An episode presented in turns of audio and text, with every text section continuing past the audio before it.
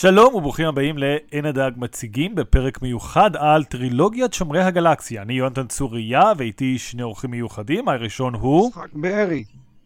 היי. היי! וואו! והשנייה? אורן בר.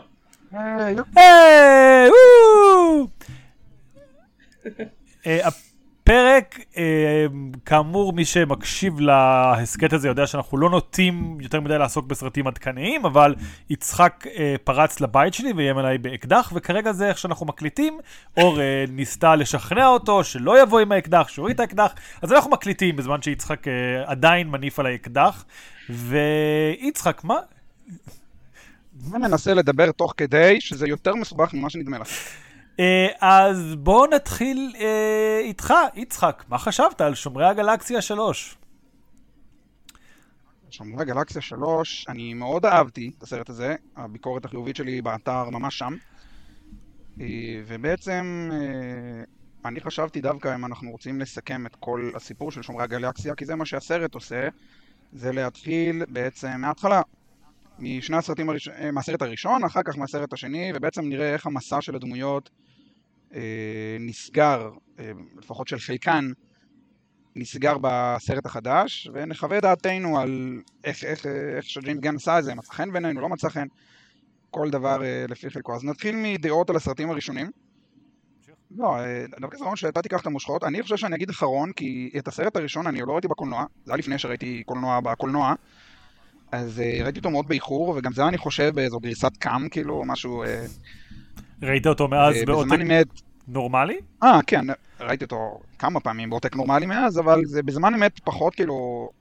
חוויתי את האטרף, היום אני נכנס שם לתגובות המתלהבות ב... שיצאו בזמנו ב-2014, ואני קצת כזה, פספסתי את זה בזמן אמת. אז uh, תתחיל אתה דווקא, אני חושב. אתה היית גם בהייפ הגבוה שהיה לכולם כשהסרט יצא? Uh, כן, אני אתן לאור להתחיל, אני רק רוצה להגיד דבר אחד, שזה שיהיו ספוילרים, נכון? כלומר, אני לא מתחייב שיהיו ספוילרים, אבל אפשרי שיהיו ספוילרים, אז קחו את זה בחשבון. כן. וגם לספיישל של שומרי הגלקסיה שיצא לפני כריסמס, אני לא, לא, לא באמת קרה שם משהו חשוב, אבל ניתן את האזהרה ליתר ביטחון. וגם נראה גם לנוקמים סוף משחק, ובקיצור, יש לכל מיני דברים, כן. ראיתם את הכל, יופי. אור, מה חשבת על הסרט הראשון? לא עוד מעט חושבת עליו היום, מה חשבת כשהוא יצא? סליחה על ההתחכמות. זו שאלה טובה. לא, אז אני לחלוטין הייתי שותפה להתלהבות. אני, אני כן אגיד שלפעמים אה, יש לי זיכרון של דג, אז אה, יכול להיות שאני משקרת לגמרי, וכל החברים שמכירים אותי יגידו, מה לעזאזל, זה לא מה שאמרת אז. אבל בגדול כן, מאוד התלהבתי, מאוד אהבתי, זה היה מאוד שונה וצבעוני בנוף. Uh, בעיקר ההתלהבות מהפסקול, אני חושבת שנחזור לזה יותר מפעם אחת, אבל היה משהו מאוד מגניב. Uh, אני... זה אחד הסרטים הראשונים לדעתי בפייס 2, זאת אומרת בדיוק פייס 1 נגמר, בדיוק הבנו מה זה היקום הקולנועי של מארוול, או לפחות התחלנו לדמיין מה זה הדבר הזה. ופתאום החבורה המוזרה הזאת בחלל עם הבדיחות המטומטמות האלה והדברים הצבעוניים שקרו זה היה, זה היה מגניב בטירוף. אה, ראיתי את הסרט שוב לפני שבוע ככה כהכנה לפודקאסט וכאילו זה, זה לא מפתיע הוא עדיין טוב הוא עדיין מגניב אני כן אגיד שהוא היה לי קצת ארוך מדי בצפייה הזאת אבל זה גם כי היום אנחנו ירד לי יכולת ההקשבה כאילו לחלוטין באופן, באופן משמעותי. אבל, אה, אבל כן זה, זה כיף זה מגניב זה מצחיק זה דברים שלא ראינו קודם זה שחקנים שלדעתי לא היו שחקנים יותר מדי כאילו כריס פראט היה בפארקס אנד רקס וזואי סלדנה כמובן היא כוכבת אבל באמת הוא כן, כמו שמישהו כבר אמר, הוא, הוא דובב ענק, כאילו ענק שיודע להגיד רק uh, כמה מילים, כן, הוא התמחה בתפקיד הזה ספציפית. אני לא ראיתי אותו קודם, כאילו הוא היה במהיר ועצבני, כן, כן, זהו. כאילו, נכון, נכון, אני, אני אחזור בי. כן. כן. כן, לא, אני חושבת שאני התבלבלתי עם דייב בטיסטה, אני לא יודעת אם כן, דייב בטיסטה זה... שדייב בטיסטה לדעתי לא, לא שיחק לפני זה. אה, אני לא יודע אם לחלוטין לא, אבל זה בהחלט היה תפקיד הפריצה שלו. כן, אבל כאילו כן, בדיוק. זהו, זה ה... סליחה, אני גזענית כלפי מתאבקים. או שלא, או אנשים שרירים. אה, צריך לזכור שמרוויל, למרות הנוקמים ב-2012, לא ממש הייתה עדיין מרוויל ב-2014. היא הייתה איירון מן, והיא הייתה הנוקמים, והיה לך כמה אנשים שחיבבו כזה את תור, אולי את קפטן אמריקה, אה, כלומר, זה... אני, אני. אני האנשים. לא, אנחנו... שנייה, שנייה, שנייה. לא, תן לי- לספר סיפור, שנייה. אמ, ומרוויל אז היה בעצם, זה הרגיש מאוד שמרוויל זה איירון מן ועוד אנשים. אה, תור 2 לא שינה את הדעה הזאת, למרות שזה סרט שאני מחבב מאוד. אה, זה בעיקר הרגיש כמו, אתה יודע, סרט אה, בזמנו בעיקר למי שחובב את לוקי, אה, וזה לא היה נראה שיש למרוויל איזושהי... אמ, נקרא לזה משהו חדש להביא שהוא לא איירון מן. איירון מן הביא חידוש, איירון מן הביא סגנון קולנועי, אה, סוג הומור מסוים שמלווה לא רק את מארוול, אה, מלווה את ה... אתה יודע, את הנוף הבלוקבאסטרי, עשור ומשהו. זה היה איירון מן. זה היה סרט שהיה מאוד מאוד משפיע, בתוך מארוול בטח וגם מחוץ לו. מאז הסרטים האחרים שיצאו, לא היו משפיעים, לא היו עצומים. הנוקמים, כאמור, היה לחלוטין משפיע ועצום, אבל רוב הזה שהיה משפיע ועצום היה התחושה של הם הצליחו לעשות את זה. בהרחבה, הצליחו לקחת בהרחבה. ארבע סרטים לא קשורים ולאחד אותם. חמש, אם מחשיבים את איירון מן 2. כאילו, זה באמת היה דבר שלא נראה אה, עם כוכבית. כלומר, היה לך דברים כמו אה, בשנות ה-50 של אה, צמד מצחיקנים שפוגשים את כל המפלצות של יוניברסל, את אה, מפלצת של פרנקנשטיין ואת דרקולה ואת האיש זאב, אבל זה לא אותו דבר, וזה בטח לא באותה סקאלה תקציבית, אה, וזה מאוד שונה. ואיירון מן עדיין, ומצטער, והנוקמים עדיין נהיה בסופו של דבר קצת הסיפור של איירון מן עם הופעות משנה של דמויות. כן. אמ, ואז יצא אחרי, כאילו בשביל לקעקע את זה, איירון מן שלוש יצא אחרי הנוקמים, וזה מאוד הרגיש שזה איירון מן, תור הגיע וכשל. קפטן אמריקה אה, הוא מאוד מאוד נחשב קצת בימינו, אבל בזמנו רוב האנשים לא אכפת להם מקפטן אמריקה. כלומר, אני לא ראיתי את קפטן אמריקה חייל החורף בזמן אמת, כי לא אכפת לי מקפטן אמריקה. כאילו, ראיתי את הסרט הראשון, הוא לא מעניין. ראיתי את הנוקמים, הוא לא דמות מעניינת. הקפטן... אני, אני רוצה להתנגד לה- להצהרה הזאת, אבל בסדר, תמשיך. מותר, מותר לך להיות אוהב. לא, אבל אני אומר, להרבה אנשים, קפטן אמריקה חייל החורף זה הסרט שבו הוא התחיל להיות מעניין, אז זה לא, אתה יודע, אני בטוח שהוא עושה הרבה כסף בלי לבדוק, אבל החלק שגילו אותו היה שם, החלק שאמרו, רגע, עשו איתו משהו מעניין. אמ, ומקביל אליו, ביחד איתו, יצא באמת שומרי הגלקסיה, שגם זה היה סרט שעשה משהו מעניין. משהו שונה, שבניגוד לקפטן אמריקה, שאפשר, אה, שבמובהק הוא לובש השפעות של סרטי פרנויה בשנות ה-70 ומותחני ריגול, והיה אפשר להוציא את הקומיקס, נקרא לזה, מקפטן אמריקה חייל החורף, אה, ולהלביש אותו באמת על מותחן ריגול, אתה יודע, יותר היי קונספט, אוקיי, יש קצת יותר בדב, אנשים שמוחקים להם את המוח, אבל עדיין מותחני ריגול שכאלה. שומרי הגלקסיה היה חגיגה של קומיקס, כמו הנוקמים, אבל שונה לחלוטין מהנוקמים. אם יכלנו להעמיד בנוקמים שיש כאן איזושהי עדיין מידה של אה, נורמליות או קונבנציה או כזה, בסדר, כן, אתם יודעים, אה, יש אה, אל נורדי וקשת, אבל כאילו כולם בני אדם, הכל רגיל, הכל מתרחש בכדור הארץ, הכל נורמלי. שומרי הגלקסיה כאילו מוציא אותך מכדור הארץ, שם אותך עם חבורת חייזרים, חלק לא יודעים לדבר. ביותר משני מילים. אה, בעולם מאוד צבעוני, שכאמור מאוד השפיע מאז על האסתטיקה של מארוול, לטובה קצת בעיקר לרעה. כלומר, כל העולמות של מארוול פלוס מינוס מאז נראים כמו שומרי הגלקסיה. כן. אה, ואת שומרי הגלקסיה אבל ראיתי בזמן אמת בגלל שהיה לו את אחד הטריילרים הכי טובים שהיו לסרט, בטח של מארוול, ואולי גם בכלליות, כאילו אחד הטריילרים היותר טובים של המאה, של ה-20 שנים האחרונות. אה, אולי אני מגזים, אבל זה היה מה, אני, אני לא ראיתי, אני לא ראיתי את הטריילר שאתה מדבר עליו, וזה, אולי אני צריך להשלים אותו. אה, תקשיב, זה הטריילר, להשתמש בשיר, אה, לא קוראים לו אוגה צ'אקה. כן, I've got a Feeling, לא? feeling. כן, כן. זה לא Hooked on a Feeling?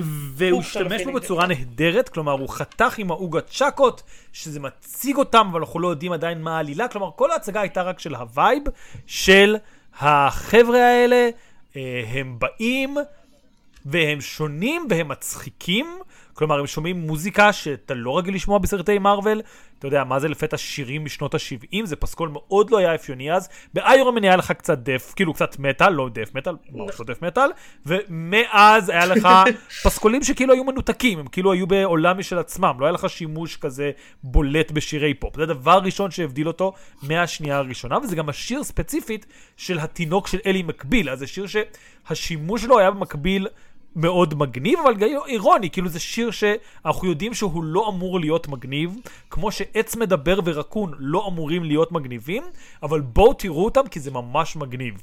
Uh, והטריילר, אני זוכר, ממש נגמר בהם פשוט יושבים בשורת זיהוי הזאת, וזה קנה אותך. זה, זה פריים שמספר הרבה, הם לא מסתכלים אחד על שני, הם לא מסתחבקים, הם לא מחליפים פאנצ' ליינים, הם פשוט יושבים שם, וזה מגניב, וזה עובד, וזה חבורה מוזרה, ואתה רוצה לדעת מה לעזאזל הסיפור שלהם.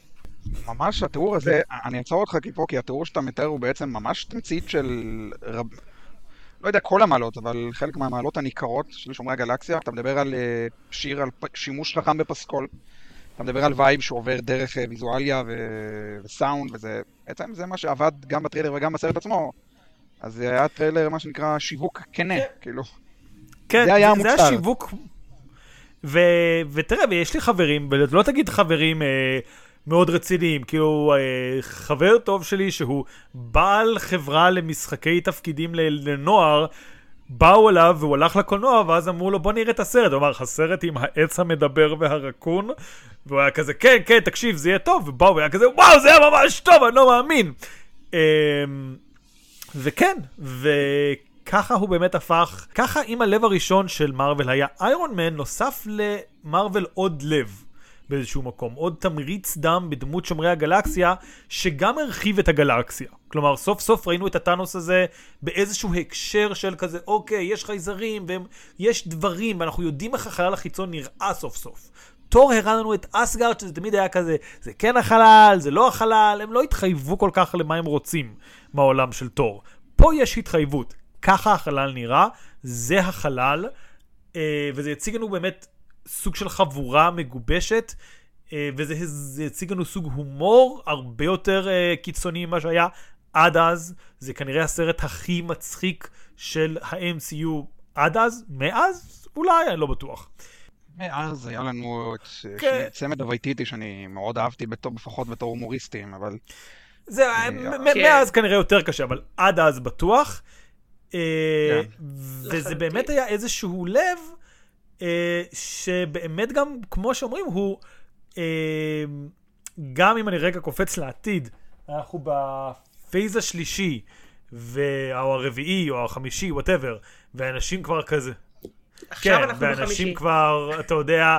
אני, אני אתוודה, כבר לא ראיתי את קוונטומניה, שום דבר שמישהו אמר על הסרט הזה לא הצליח לשכנע אותי לראות אותו, ואני מאוד אוהב את אנטמן כדמות, ואני מאוד אוהב את פייטון ריד כבמאי, אבל פשוט לא.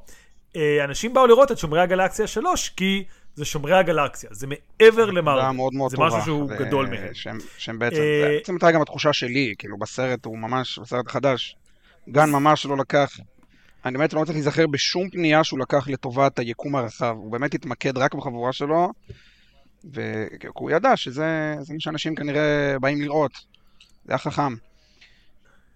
זה, זה גם ממש, גם, טוב, יש פה, נקרא לזה רכילויות, כן? אבל זה ממש גם פרידה מג'יימס גן, זה סיכום, זה מעבר לסגירה של, אה, כן, של אה. שומרי הגלקסיה, זה הרבה יותר מזה על, על הסרט הזה אה, מבחינת אה, פאתוס. ו... כי גם, כי גם קוונטומניה הוא כביכול סגירת טרילוגיה, אני לא חושבת, גם בלי קשר לזה שקוונטומניה קיבל ביקורות, בוא נקרא לזה צוננות ומטה, כן. אף אחד מאיתנו לא מצפה שיהיה סרט רביעי לאנטמן לבד. זה כנראה די, סיימנו את העסקה, יש לך טרילוגיה, ביי. איירון מן אנחנו לא, מק... כאילו, אנחנו יודעים למה אנחנו לא נקבל איירון מן 4, אבל, אבל תור כביכול יכול להמשיך את ההרפתקאות שלו, בלק פנתר יכול להמשיך, שאנג צ'י יהיה לנו, או לפחות אמור להיות לנו, דוקטור סטרנג', שומרי הגלקסיה, בניגוד לאנטמן שזה פרידה מאנטמן, הם באמת מאוד מאוד self contained, וחייבים, חייבים להוסיף לזה את ג'יימס גן אומר goodbye ליקום הסינמטי, כאילו אפילו בלי להתייחס ל...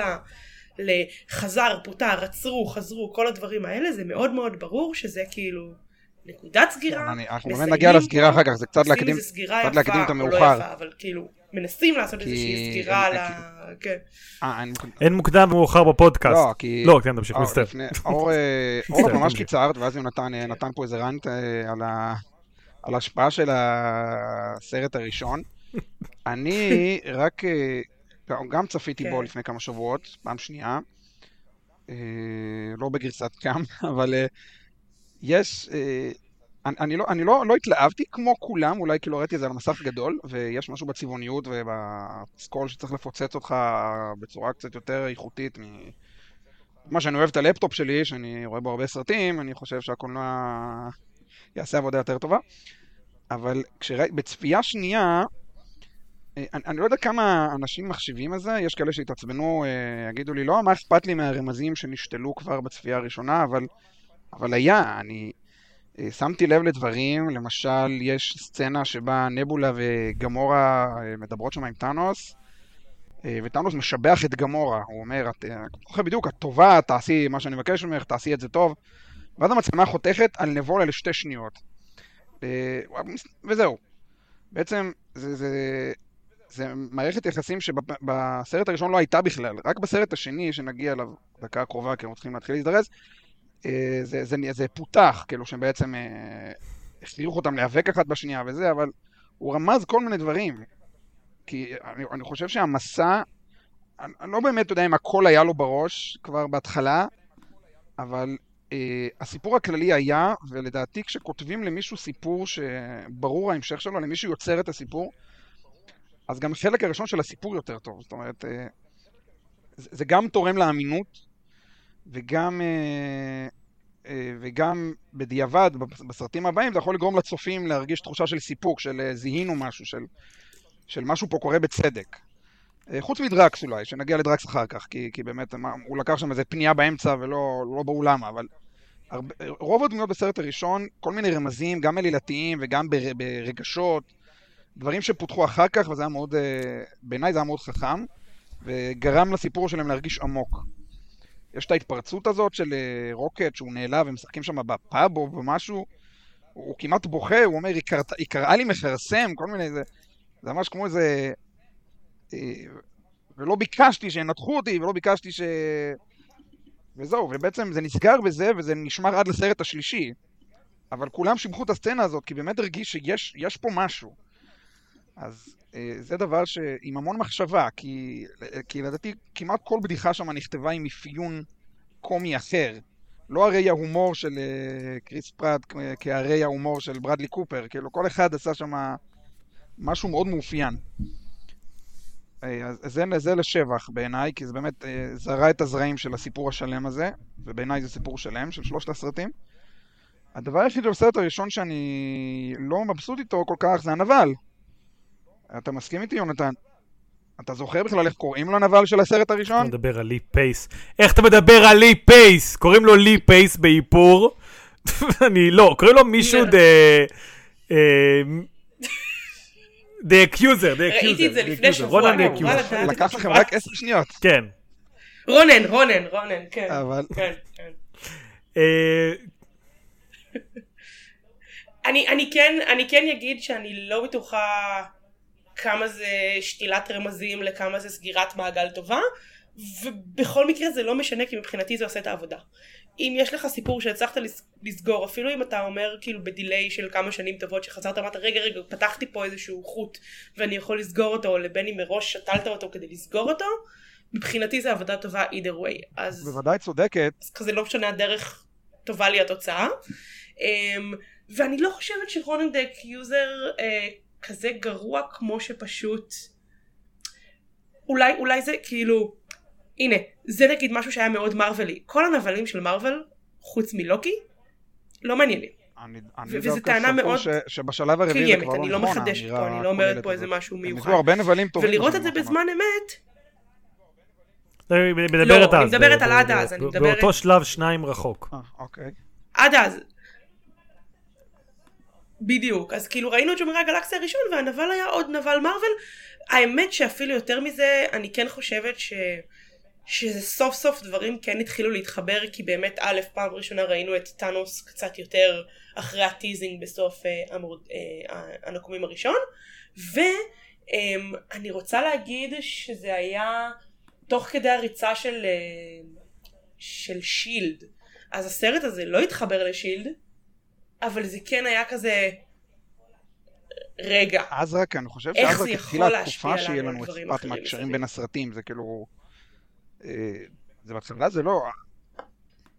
חייל החורף יצא קודם, וחייל החורף כבר היה אירוע, גם חייל החורף וגם תור, זה היה אה, אה, סרטים שבה, אה, שבשילד כן, כן. אמרו, נכון, אבל... אנחנו הולכים, להת...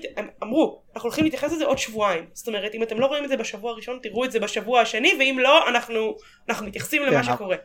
אז גרדיאנס לא, לא התייחסו אליו, אבל שילד זה קצת הארדקור, אבל לא? זה כן היה כבר בשלב שאתה אומר, כאילו שילד, אני, אני, אני, אני מאוד אוהב את הסדרה, אני משוגע עליה, אבל uh, צריך להודות שאני לא יודע כמה מעריצים, כאילו, כמה הרבה אנשים שאוהבים את הסרטים, uh, לקחו את זה כאילו עד... Uh, לחל... אבל זה, זה נקודה. אני גם אגיד שאת צודקת, לחלוטין, אבל בתור כן את צופה של צודקת שילד, ב- בהקשר של הפיתוח הנקודות, כי בסופו של דבר, כשאני ראיתי את הסרט השלישי לראשונה, זה היה כשלא זכרתי, הסרטים הראשון והשני לא היו מונחים לי בראש, ומאוד מאוד נהניתי ממנו בכל זאת, ומאוד הרגשתי בכל זאת שהוא סגר את הסיפור שלהם מאוד טוב, גם בלי לזכור את הפרטים והרמזים שראיתי אחר כך בצפייה השנייה, ואמרתי, היי, זה זה, זה זה, זאת אומרת, זה עבד הפוך בעצם, אצלי. ראיתי את השלישי, ואז ראיתי שוב את הראשון ואת השני, אז בעצם ה payoff היה לי, כשראיתי את הראשון ואת השני, אמרתי, היי, זה נסגר, וזה נסגר, כאילו. אז, אז את צודקת שזה כאילו הלך לשתי הכיוונים, זאת אומרת, הוא לא משנה אם הוא חשב על זה מראש או לא, אבל הסיפור עבד, אם הבנתי אותך נכון. כן, כן. אה, טוב, הנבל, אני גם לא אמרתי שהוא גרוע, דרך אגב, אבל הוא, הוא, הוא משמעותית פחות טוב, נסכים שהוא פחות טוב מהנבלים של הסרט השני והשלישי, או שגם, או שעל זה אנחנו גם לא מסכימים? אני אגיד לטובת הנבל שהוא מופיע בסצנה אחת הכי טובות ביקום, שזה עונג שאין לרוב הנבלים של מארוול בכלל. כלומר, אתה יודע, לא יודע, זימו הוא נבל אחלה, אני מאוד אהבתי אותו, ואני לא זוכר שום דבר שהוא עשה בסיביל וור, במלחמת האזרחים. אה, ולא יודע, הבחור מאנטמן אולי הוא לא כזה גרוע, אבל כזה, כן, הוא היה אולי בסצנה עם הרכבת. פה הוא מאוד מאוד חלק משמעותי בסצנה מאוד מצחיקה, שחלק מההומור נכון. זה שהוא הנבל. כלומר, הסצנה היא לא מגניבה כי זה כן. האקשן, וזה לא מגניב כי זה כל דבר אחר, זה מגניב כי הוא ה straight man בסצנה שהיא קומית. אה, אז יש לו את זה. ואתה מדבר כמובן על הריקוד בסוף, כן, כן. אם הבנתי אותך כן, כן. נכון. אה, לא. אתה יודע, שאני כן, כן אגיד אה, אה, שראיתי את זה שבוע שעבר מחדש, הסצנה הזאת הגיעה והייתי כזה, אה, רגע נכון, זה, זה דבר שקורה בסרט הזה, כי, כי אמרתי לגבי האורך, הסרטים האלה מאוד ארוכים, שעתיים פלוס כל סרט, אני לא יודעת להשוות מה היה לפני זה אם הם היו באותו אורך או לא, אבל אני חושבת שאיפשהו בסוף אה, סוף מערכה שנייה, איפשהו אמצע פלוס של הסרט, אני התעייפתי. הייתי כזה, טוב, יאללה, מה כבר... אני, רגע, למה זה לא נסגר? ואז כאילו הגיעה הסצנה ריקוד, והיא כזה, אה, נכון, נכון, רגע, גם, גם כיף פה בסוף. אבל זה היה מאוד מתיש לראות את זה, כאילו, לרעת הסרט לחלוטין, גם בשני, דרך אגב, שראיתי אותו היום, עוד פעם. הסרטים של ג'יימס גן, וזה אני יכולה להגיד רגע, ארוכים שלא לצורך. גם כשהסוף הוא מאוד כיפי, אמירה לוקח זמן להגיע. הראשון דווקא, כאילו, אני לא יודע קצר, אבל הוא שעתיים. השני, השלישי ארוכים משמעותית, השני שעתיים ועשרים, השלישי שעתיים וחצי. למה זה כזה ארוך? אה, כן, זה ארוך, אבל, אבל שעתיים זה לא כזה, לא, בדיוק. שעתיים זה לא לא כזה הרגיש ארוך. לי כזה ארוך, טוב, אולי זה רק אני, לא יודע. טוב, אני לא יודע אם זה סגווי מוצלח, אבל ווטאבר, כי אנחנו נעבור הלאה לסרט השני. ואני אתחיל הפעם, כי אני חייב להגיד את מה שכנראה יוסכם על כל uh, המשתתפים, של uh, שומרי הגלקסיה חלק 2 יש את כותרות הפתיחה הכי טובות אי פעם. אי פעם זה חתיכת אמירה, זה כותרות פתיחה מאוד טובות. הכי טובות אי פעם, תאתגר אותי, בבקשה, לך על זה. אני עם יונתן. הפנתר הוורוד. הכי טובות אי פעם שראיתי, בוא. לא, לא, לא, הן יצחק ספציפית. זה לא- לא חוכמה, כי אני יודע שאתה עוד מתרחב, אבל בעשור האחרון אומנות כן. כותרות הפתיחה ירדה משמעותית. רוב הסרטים, וזה מבאס וזה לא קשור לנושא, אבל אנחנו עכשיו מדברים על זה. כן. רוב הסרטים, אה, גם כן, שוב, חלק מזה, אני לא זוכר אם זה מארוול שהתחילו את זה, או פשוט מאוד זרמו עם זה וקיבו את זה, לא רואים צורך בכתוביות פתיחה. לא רואים בזה צורך, זה מיותר, יעשה כתוביות סוף מאוד ארוכות, מגניבות, עם ארט, עם זה, למה צריך להשקיע בכתוביות פתיחה? אה, ולפחות נגיד שלחלק 2 יש כתוביות פתיחה, וזה נחמד ומרענן, ואני בעד כתוביות פתיחה בסך הכל, אפילו שזה שתי דקות שלושה- שאני... בכל השלושה יש את הקרדיטים בהתחלה, כן? לא רק בשלישי. כן. אה, נכון, אתה צודק. נכון. וכן, כאילו, אז בדור שלא ידע כותרות פתיחה, הוא בהחלט קל לו להגיע אה, לטופ, כאילו, אבל האם באמת הכי טובות אי פעם? לא. זה אפילו לא, אגב, הטייטל דרופ הכי טוב, כי נגיד סרטים אה, כמו אה, Fresh, טרי, היה לו title drop נהדר באמצע הסרט, זה לא כתוביות, כן? זה לא מה שאתה מדבר נכון. עליו. אבל וואו. הרגע שמופיע הכותרת זה וואו. אה, ועוד כמה סרטים, כן? אני, אני, אני אלך אפילו על הכי, הכי קרוב שראינו, זה ממש ספיידר ורס לאחרונה, היה לו כאילו, אני לא יודעת אם לקרוא לזה הכי טובות אי פעם, אבל כאילו, אנחנו חוזרים לזה, אנחנו חוזרים למגניבות הזאת של, והנה מתחיל הסרט, ו- ו- ואולי לא כתוביות פתיחה, אבל title drop של ספיידר ורס, ו- וכאילו, אני רוצה להגיד ש... לא יודעת אם תסכימו איתי, אבל באמן הגדול מכולם, The Greatest Showman, אני זוכרת שישבתי בקולנוע בסצנת פתיחה ואמרתי, כן! זו הפתיחה הכי טובה שראיתי בתקופה האחרונה לסרט. למה ככה? כי, כי זה הגניב אותי. אני, כאילו, אז... אני לא יכול להסכים איתך לא כי לא ראיתי את האמן הגדול מכולם. לזה. אבל בקיצור, כן, אה, בכלליות, כתוביות פתיחה בתקופה האחרונה אין הרבה, כן. ומי שיש לאו דווקא משקיע, אז שומרי הגלקסיה 2 משחק במשחק, אה, במגרש קצת ריק, אבל זו אמירה נכונה באיזשהו מקום. כן, הן כתוביות פתיחה מאוד מאוד טובות. מאוד טובות, תמשיך. וכמו שאור אמרה, הן ממש, הן ממש מכניסות לאווירה של הסרט, שזה...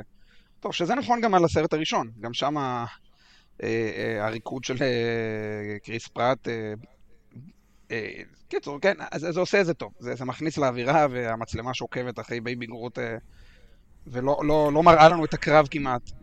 זה מצחיק, זה, זה לא צפוי, זה היה כיפי, חבל ששאר הסרט לא ברמה הזאת. לא. אה, ואני יודע, אני אגיד לפני ששוב נעביר את הכדור אליכם, שהסרט הזה נחשב למשמעותית פחות, אני לא יודע אם משמעותית, אבל הוא בהחלט התקבל בקרירות יותר, גם מהראשון וגם מהשלישי, אה, אבל אני מאוד אהבתי אותו. בחלק מהסעיפים לטעמי הוא גם מתעלה על הראשון. יש אה, כל... אני כן אגיד שלחלוטין... אני- אה, סליחה, תמשיך. אני הפוך, אולי אני אחכה עם הרנט לסוף כדי לענות על הטענות שלכם. כן, Um, אני אומרת שדווקא אני לחלוטין זכרתי, ראיתי גם את הראשון וגם את השני לדעתי פעם אחת בקולנוע ו- ובערך זהו, לא, לא צפיתי בהם יותר מדי uh, מחדש. Uh, אני לא נוטה לצפות בהרבה סרטים uh, עוד פעם. Um, וזכרתי שהוא באמת היה כזה כיפי ומוצלח, אבל כאילו הראשון היה יותר טוב, זה היה בסדר. ואז כשראיתי אותו מחדש היום, אני דווקא, לא אגיד ששיניתי דעתי לגמרי, אבל הוא הרבה יותר טוב ממה שזכרתי. הוא היה מצחיק, הוא היה מרענן, הוא היה מגניב. אני, קשה לי להגיד אם הוא באמת יותר טוב מהראשון, כי יש משהו בראשון שהוא... יש לי חסד מאוד גדול לסרטים ראשונים בסדרות באופן גורף, כי אנשים שוכחים שזה מה שמציג לנו את הסדרה וזה מה שנותן לזה לעלות קדימה. בכל סדרה כמעט. וכנ"ל שומרי את אומרת הגלקסיה. שב- שבשני לא היה את אפקט ההפתעה, שתפס את כולם לא מוכנים, משהו כזה? זה לאו דווקא הפתעה, אבל העובדה הזאת שהיה יש סרט ראשון בסדרה שהוא הסרט שמכיר לך את כל המשתתפים ומכיר לך את ה setting ו, ונותן לך את האווירה וקובע לך איך זה ימשיך הלאה. ובלעדיו לא הייתה סדרה. ובכל סדרה, הסרט, סדרת סרטים, ספרים, whatever, חייבים דברים לראשון שהגיע. אמ, אז, אז קשה לי לגמרי להשוות בין אחד לשתיים מה יותר טוב מה פחות טוב. אני חושבת ש... וסליחה שאני שוב קופצת קדימה, השלישי כמעט משחק בליגה אחרת לגמרי. הוא עדיין מצחיק, אבל הוא הרבה יותר רגשני, הוא הרבה יותר סוגר קצוות, ואז כאילו, הוא כאילו משחק קצת במגרש אחר, והפואנטה שלי הייתה להגיד שזכרתי את שתיים הרבה פחות טוב ממשהו, הוא עדיין ארוך מדי. הוא עדיין לוקח לו המון זמן להגיע לשם. הנבל שלו הוא... וואלה, אני לא יודעת את מה אני מעדיפה, את אגו או את רונן, כאילו...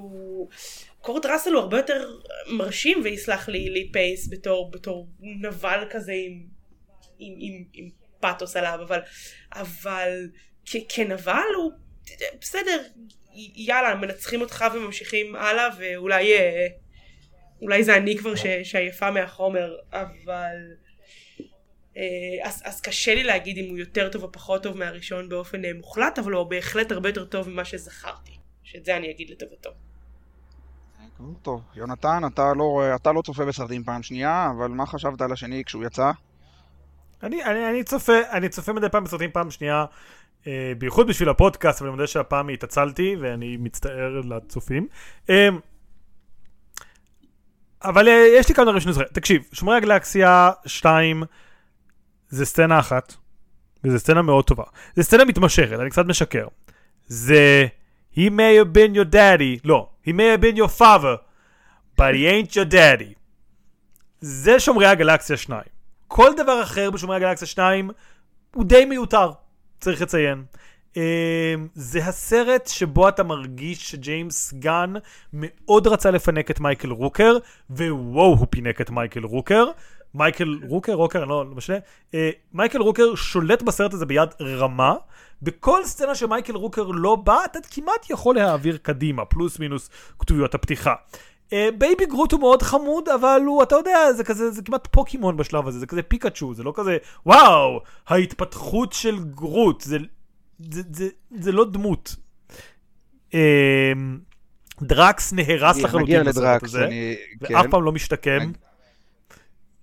אה, הוא הפך מדמות שיש בה איזשהו חסד ומתמודדת עם משהו לשמוק, כן. פשוט סתם שמוק. כן. אמ, גמורה אף פעם לא טרחו לתת לה יותר מדי אפיון, היא חברה של פיטר קוויל פה, פיטר קוויל פה מתמודד עם כל הבעיות אבא שלו, שזה נושא שתמיד אני אמביוולנטי עליו, אני לא מרגיש שזה בוצע טוב פה, הסצנה שהם מתמסרים היא מאוד קשה לצפייה ומאוד מטומטמת. אה, מנטיס לא דמות חדשה כיפית. כלומר, אם הסרט הקודם הציג לנו מלא דמויות כיפיות, פה יש לך את מנטיס ואגו, ושניהם דמויות בסדר, כן. הם דמויות בסדר. כאילו, המנטיס, אני לא יודע אם היא פוצחה, אבל אם היא פוצחה זה קרה רק אולי בשלישי. בשני היא לחלוטין דמות שכזה, כן, יש לה יכולת מכשיר עלילתי, כן, או משהו. מאוד מכשיר עלילתי. כביכול משתמשים כן. ב special Christmas, אבל גם שם אני אגיד... מנטיס היא אפילו בסינופסיס אני דילגתי על ה special Christmas, כן. כן. לא, אני אומרת, היא לא- דמות שהיא מאוד מעצבנת אותי אה. לפחות. היא מעצבנת אותי, היא אפילו לא כאילו סתם, היא כאילו... כי אני מרגישה, וסליחה שאני באמת קופצת קדימה, היא דמות ש, שכאילו אמורה להביא עוד, והיא אמורה להוסיף, והיא אמורה לתת אספקטים, והיא אמורה לתת עומק רגשי, וכל מה שהיא עושה זה, זה סתם להיות שם ו, ולהדגיש את דרקס, שהוא עוד יותר מעצבן מדבר לטובה. יש לי, יש לי איזה, יש לי איזה כתב כן. הגנה. אני, אני מסכים עם מה שאת אומרת, אבל לדעתי כאילו השימוש... האמת שזה קצת עדיין משאיר אותה בצורת מכשיר אלילתי ופחות דמות עצמאית, אבל השימוש שלדעתי uh, עשו בה בסרט, בסרט השלישי דווקא הוא הוציא ממנה, כלומר, התאים לתמה של הסרט, אז בעצם כביכול שמרו את זה לשם.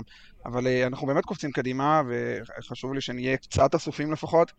אז אני רק מה, אה, שנייה, לא סיימתי, אני לא זוכר מה רוקט רקון כן. עשה בסרט הזה, הוא התפצל, הוא רב הרבה עם פיטר, אני לא זוכר אם כל זה מתגבש לאנשהו. אה, גם לרוקט יש... הוא ומייקל רורק. לא, כן, לרוקט, כן. לא לפיטר קוויל, פיטר קוויל אני זוכר.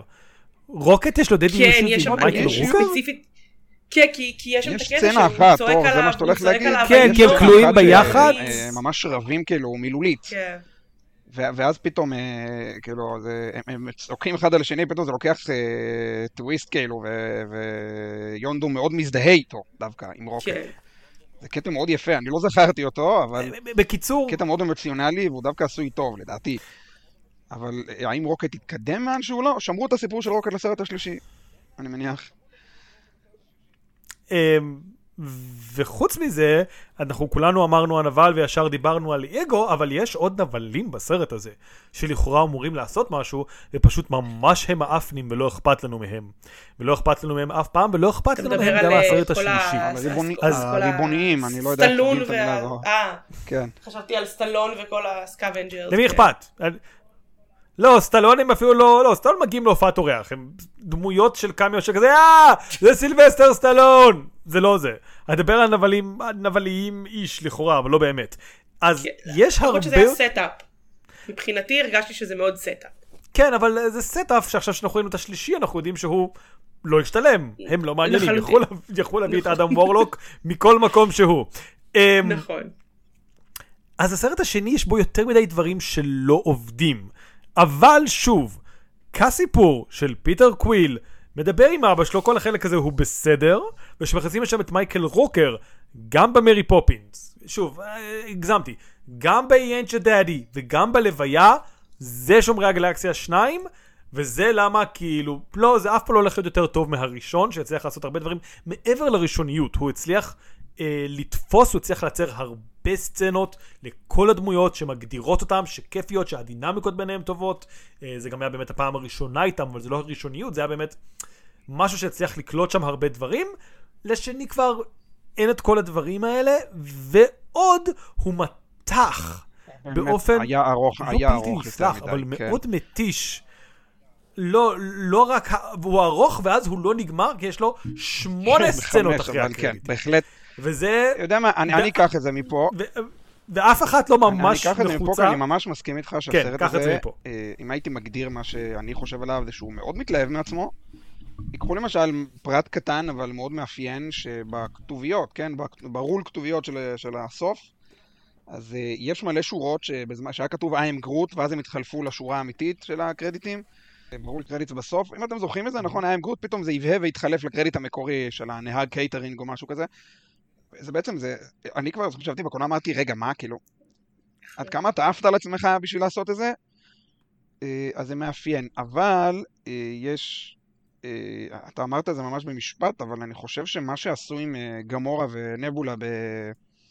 בסרט השני היה אדיר, ממש טוב, ואנשים שוכחים את זה, כי הסיפור, הסיפור הזה בעצם המשיך באינפיניטי וור. יותר נכון הסיפור הזה לא המשיך, סליחה שאני מתפרצת אליך, ל- ל- ל- כאילו זה, זה קצת רגע מיני רנט מרווילי כולל, כן? זה לא אשמת ג'יימס גן, אבל הוא באמת עשה אחלה של סיפור בין שתי האחיות, כן? אני, אני איתך לגמרי. ואז זה כבר לא רלוונטי.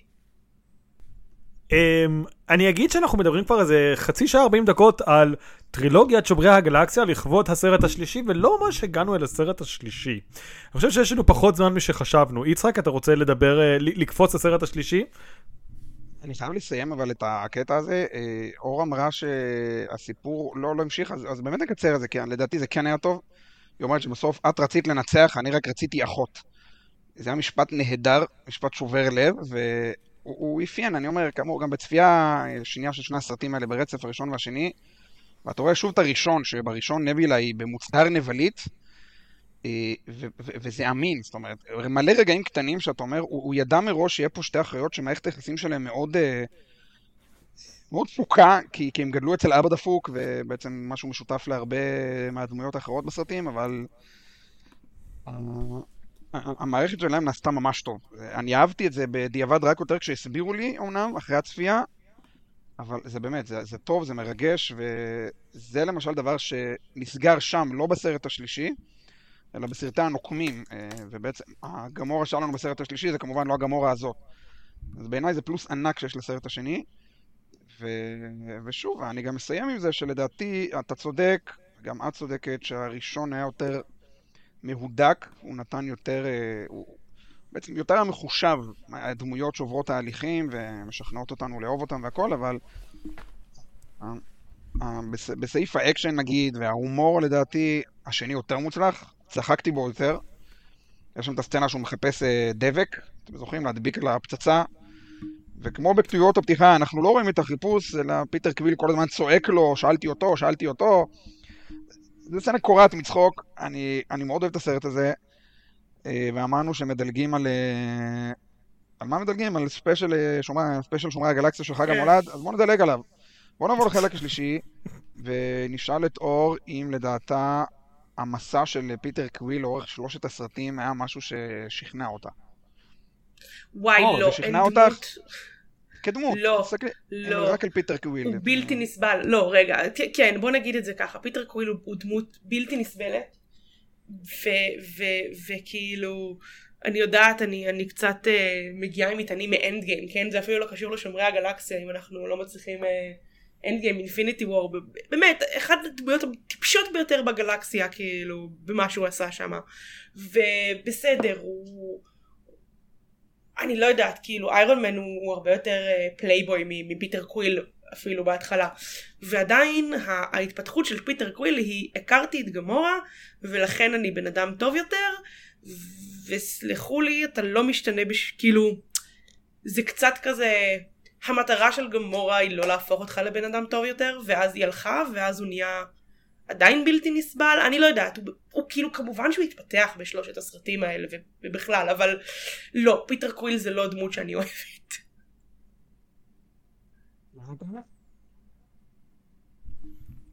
הלו?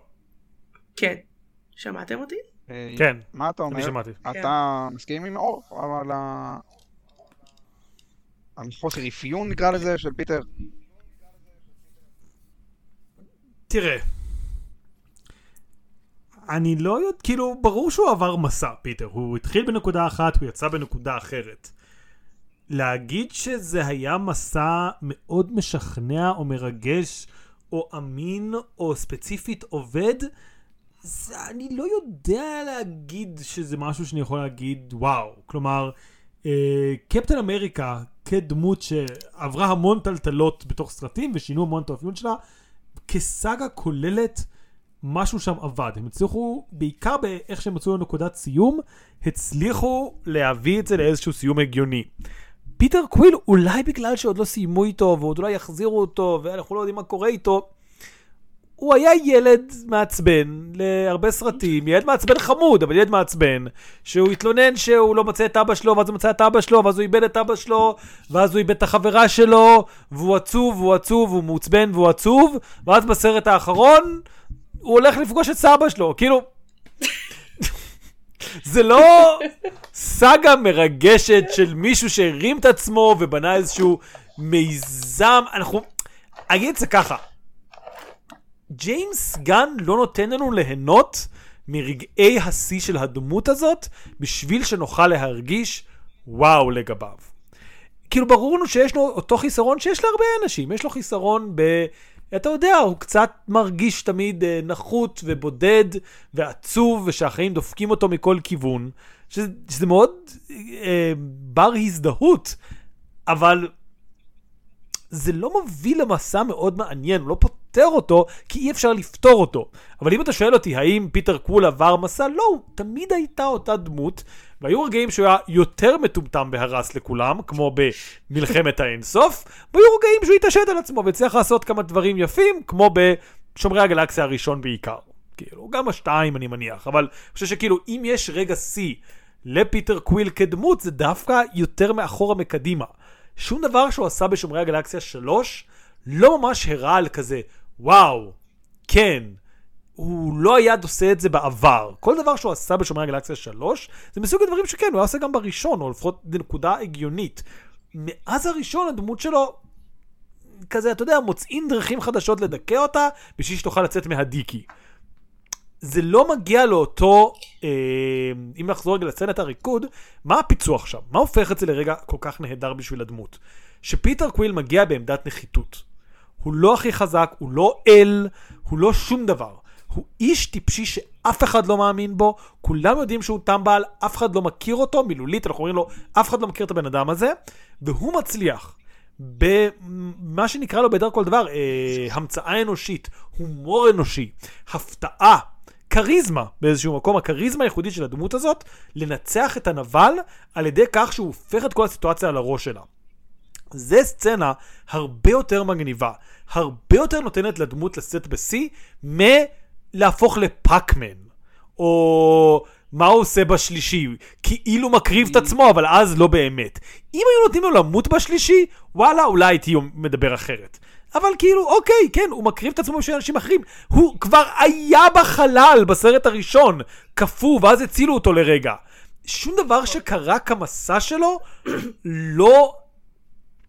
לא הוסיף שום דבר על הסרט הראשון. בסופו של דבר. זה גם דרך אגב סצנה ששוחזרה בשני וכאילו מאוד uh, ראיתי אותה והת... לא אגיד התעצבנתי אבל יש שם את הקטע שכאילו אה, אה, מצילים אותו שם אחרי הקרב אה, בכוכב של אגו ואז כזה הם עפים לחלל ואז אה, פיטר קוויל מבין שבעצם אה, יונדו שם את המסכה עליו על פיטר במקום על עצמו. וזה כאילו היה אה אז בעצם אנחנו עושים את הטריק הזה בכל סרט. כאילו אוקיי I guess אני, אין, אין, לי, אין לי המון מה להגן על, על, על פיטר, כי המסע שלו באמת פחות מובחן, אבל אני לא חושב שזה נכון להגיד שלא קרה כלום בסרט השלישי, כי אומנם ניסו להעביר איזה דרך דרקס מכל הדמויות. מנטיס מבקשת מדרקס להגיד לפיטר את המשל המגושם שלה על האבן שמדלגת על חבצלות במים או משהו כזה. אה, אני חושב ש... שמה שכן קרה בשלישי זה שהוא הפסיק אה, לברוח. זאת אומרת, הוא... אתה יכול להגיד שזה אולי נסע קצת בצורה מגושמת, אבל זה שם. הוא מאוד אה, חיפש, גם כשהוא חיפש את גמורה, זה לא רק כדי לחפש אהבה ו... ושהוא התאהב ספציפית בבחורה הזאת, זה משהו שהוא לא רצה משהו מכדור הארץ. והוא לא בדק, הוא לא בדק, נגיד, באמת, מה, מה עם סבא שלו, הזיכרון, והוא אומר את זה בסרט השלישי, הזיכרון האחרון שלי מסבא שלי זה שהוא אה, אה, אה, הוציא אותי מהחדר שאימא שלי גססה בו. אז, אה, אז הוא, לא, הוא לא שמח עם זה, אבל הוא הבין ש... לא, זה גם, זה גם נעשה במשולב עם הסיפור של גמורה 2, כן? הסיפור של אבל... גמורה 1 נסגר, ואז... ואז... אה, אה, לא, תקשיב, כסרט השלישי כל זה עובד. פיטר קוויל הוא לא בן אדם שהבעיה שלו זה שהוא בורח מסיטואציות. זה לא קיים בסרטים הראשונים, זה לא קיים בסוף מלחמת האינסוף, זה לא אפיון שלו. לא מסיטואציות, אבל הוא כן ברח, ולא חיפש את המשפחה שלו, כי הוא חיפש דברים אחרים. כן, אבל זה לא מוז... כן, זהו, זה לא הוא ברח, זה משהו שכזה לפתע באים... זה לא סגירת מעגל. לא מדברים כל הסרט הראשון איתו, למה אתה לא חוזר לכדור הארץ? זו לא שאלה שנשאלת כלפיו, כן. ולא אכפת לו ממנה. בסרט השלישי מזכירים את זה לפתע בעיקר בשביל לתת כזה איזשהו... אה, אני ציני קצת, אבל איזשהו סטאר וורד וויל רטרן, אוקיי? ואוקיי, גם סגירת מעגל לא קיימת. לא פגשנו את סבא שלו, פגשנו אותו בסצנה קצרה לסרט השני, אנחנו לא יודעים עליו כלום. אולי הוא... נאצי, אני לא יודע, אנחנו לא יודעים כלום על סבא שלו, אני לא יודע עליו. בהיכרות עם מרוויל הוא גם כנראה כן. אבל התחלתי להגיד, יש פה משהו יותר, כי זה לא רק זה שהוא חזר לכדור הארץ. אתה יודע, תעזוב את הסבא, זה אוקיי. היה מגושם. אבל ספציפית, הרגע הזה עם גמורה 2, למה הוא כל כך אובססיבי עליה? זה, זה באמת מישהו שאומר, אני, אני, חסר לי כעת משהו, אני ארדוף אחריו, אני אשתגע אחריו. והרגע הזה שבסוף הסרט, אם אתם זוכרים, גמורה עוברת אותו, גמורה 2 כמובן, והיא עוברת ואומרת שלום עם גב אליו, ואז כאילו, לפי התנועה של המצלמה זה נראה שהיא תסתובב והם יתחבקו או משהו, אבל לא. לא, היא ממשיכה ללכת ועולה לחללית. זה רגע שבו פיטר בעצם משלים אומר, כל החיפושים שלי בגלקסיה, וגם לא רק ספציפית אחרי גמורה, לא באופן כללי מה אני חושב על עצמי, אני סטארלורד האגדי, כן, אני... הוא בעצם מצא לעצמו השלמה, אומר, אוקיי, אה, אתה לא, לא, לא בטוח שאתה חייב ספציפית את הדרך שחשבת שאתה עושה בה עד עכשיו. זה, זה לא באמת מתכנס לאמירה מאוד מסודרת, אבל זה תהליך ש, שהוא לדעתי כן נוכח, זאת אומרת, זה לא, זה לא בא משום מקום. הוא מאוד, אה, הוא, זה שהוא מאוד אה, לחוץ ממה חושבים עליו, איך אחרים תופסים אותו, זה אנחנו כן יודעים. והוא טיפה, והוא משחרר מזה, הוא... שוב, זה בעיקר הסרט השלישי מה שאתה מדבר עליו. כן, יש את העניין של הוא רוצה שידעו זה, אבל אתה לא יכול להגיד, כאילו, להגיד שזה נוכח זה, כן, זה, זה תמה מאוד כללית, אבל בשביל שהתמה הזאת תהיה נוכחת, זה צריך להיות דברים שהפריעו לו, ודברים שזה. כל הסיפור עם גמורה 2, אני חושב שהם עשו את זה יפה. באמת אני חושב שהם עשו את זה יפה בשומרי הגלקסיה 3, אבל מעצם זה שזה משהו עלילתי שנכנס רק במלחמת, לא, בסוף המשחק, זה לא סאגה שלמה. כלומר. אם זה היה קורה עוד נגיד בשומרי הגלקסיה 2, שהיא מתה ואז הם מחזירים אותה, הייתי אומר, אוקיי, יש כאן איזשהו עניין שהוא התאהב במישהי, ואז בשני הוא עבר אובדן, ואז זה. אבל יש לך שני סרטים שלמים שהסיפור עם גמורה הוא אחר לחלוטין, ואז בשלישי יש איזשהו משחק ורפלקציה עם כל הסיפור הזה. אה, וקשה לדעת לא כמה, אתה יודע, טובה. האם ג'יימס גן היה באמת... האם MCU לא היה קיים? נשאל את זה ככה. האם ג'יימס גן היה הורג את גמורה בכל זאת בשומרי הגלסיה 2? לא. אני לא יודע. אני די בטוחה שבוודאות, אני די בטוחה שבוודאות הוא אמר שלא, כי יותר מזה, אני, אני רגע, אני די בטוחה שקראתי באיזשהו ראיון, שלא סתם שהוא היה נגד והוא תכנן את גמורה שתישאר, הוא, הוא היה מאוד אה, קולני בקטע של תחזירו לי אותה לחיים, אני צריך אותה להמשך הסיפור. כן, תראו, כאמור, אני, אני יכול להבין. אני יכול להבין שבאמת זה, זה מגושם. אבל כן, הוא היה חייב להתייחס למה שקרה הוא אמר לעצמו, אני ביקום, אבל... גיבור על אבל- בין יקומי, אני האגדי, ג'יימס גן לא היה הורג אותה. נתן לעצמו ללכת למקומות הרבה יותר בסיסיים של משפחה שבעצם לא חיפשתי אף פעם. ובעצם זה גם משלים, שוב, אולי זה לא נכח מספיק, לי זה התאים, כי, כי בעצם בן אדם אה, עבר מסע עם אבא שלו, שזה גם המשפחה הכי קרובה שהייתה לו, אחרי אימא שלו שכבר מתה, ואז הוא מגלה שאבא שלו הוא אה, חרא שרוצה להרוג את כל היקומים או משהו, אז זה, זה לא מספיק, אתה צודק שהוא לא דיבר על זה מספיק, כמה הוא, האם הוא צריך משפחה, ו... אבל, אבל זה כן בלט, כי הוא התייחס למשפ... לשומרי הגלקסיה כמשפחה שלו, לכל החברים, ו... ובעצם קיבל איזושהי השלמה שאני יכול לקבל את זה ביותר קטן, ביותר אנושי, ביותר בסיסי, במקום uh, שאני אמשיך לרוץ בין כוכבים. בעיניי זה עבד. אני קצת אומרת נו ו.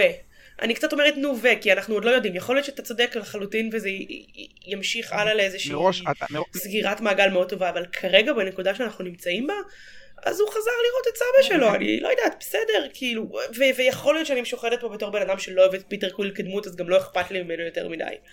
אבל אני מבינה מאיפה אתה מגיע, אני יכולה לראות איך אפשר לקרוא את זה, אבל בגדול זה כזה, אה, בסדר, ואפשר גם לא. אני, אני אגיד יותר מזה, המסע שאתה מתאר הוא, הוא לא דבר שנכח לפיטר קוויל, הוא, כמו שאור זרקה, המסע של ג'יימס גן להיפרד משומרי הגלקסיה.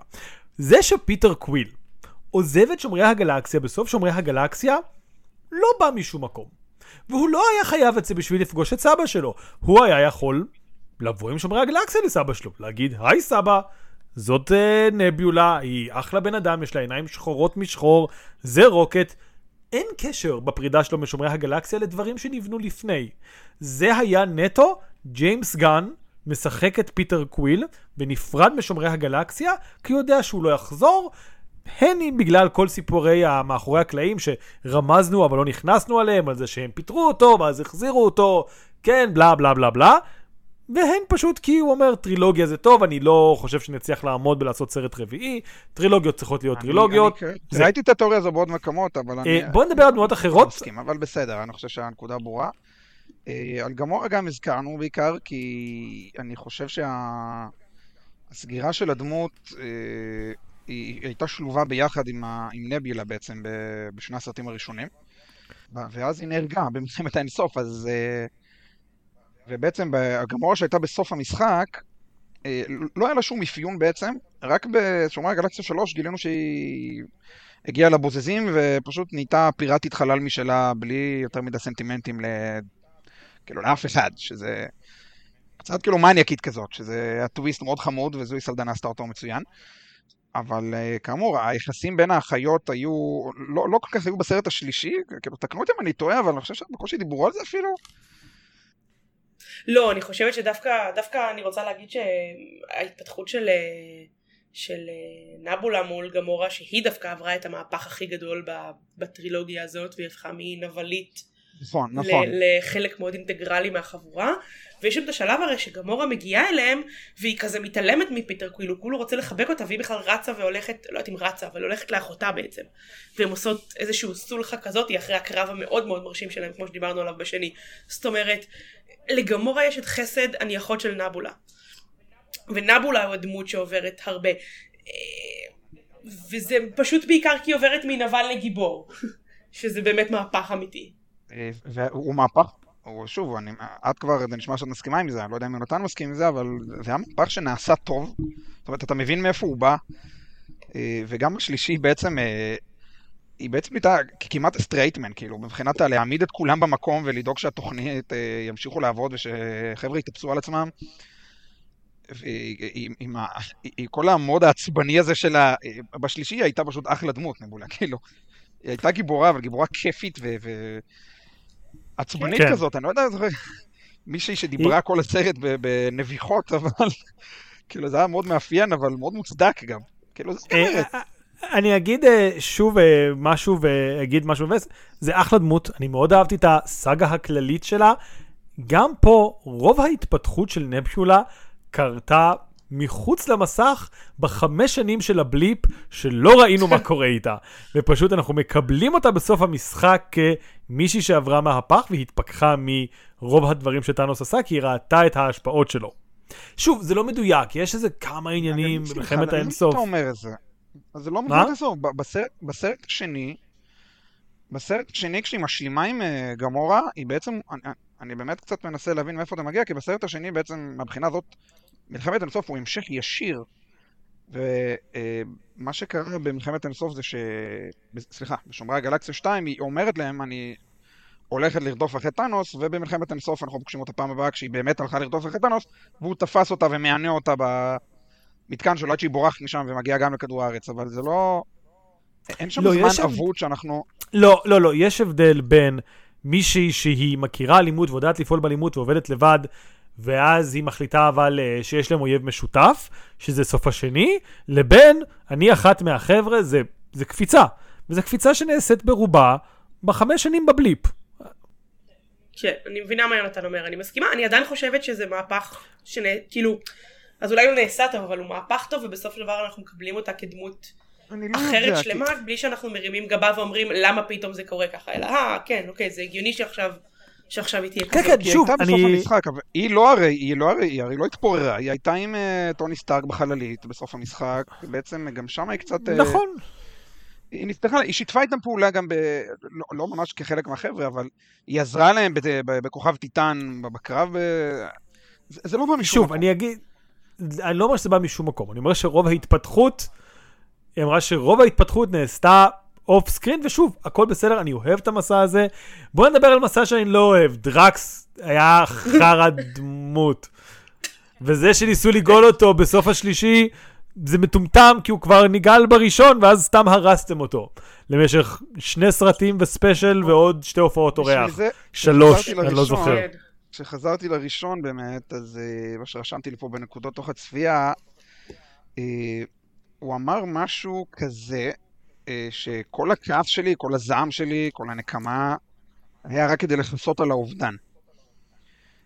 ושאלתי את עצמי, רגע, אני מכיר את המסר הזה מאיפשהו, וכלומר, אני מניח שאני מכיר אותו מהרבה יצירות, כן? אבל ספציפית אצל מארוול. וזה פחות או יותר היה הסיפור של... אני לא יודע אם אתם מנחשים מה שאני הולך להגיד, אבל זה היה הסיפור של קריסטיאן בייל בתור 4. אה, קצת. הוא איבד את הבת כן. שלו, ומה שהוא מבין בסוף שכל הזעם וכל הנקמה וכל הרצון לנקום בכל האלים זה כדי לכסות על האובדן. אה, אוקיי, וכמו שיונתן אומר, זה סגירה נחמדה, ומאז הוא נהיה, כאילו, אמור להיות חבר שלהם ו- והלאה. אבל אז בסרט השני, חוץ מזה שהוא, זה שהוא מטומטם זה בסדר, זה חלק מהמאפיין של הדמות. למה הפכו אותו למרושע? למה הוא צריך... אני לה- גם אגיד שזה לא נכון שהוא מטומטם כחלק מפילון דמות. הוא בהכללה מאוד גסה, מצטער זה, אה, עם אה, בעיות תפקוד חברתי, נקרא לזה, בראשון. הוא לא מבין מטאפורות, יש רמזים חברתיים שהוא לא מבין. הוא לא מטומטם. נכון. בסרט השני והלאה. הקצינו את זה מאוד. את המילה הזאת אני אקח זה בחזרה, נכון. אבל... שזה מה שמעצבן. איך, איך?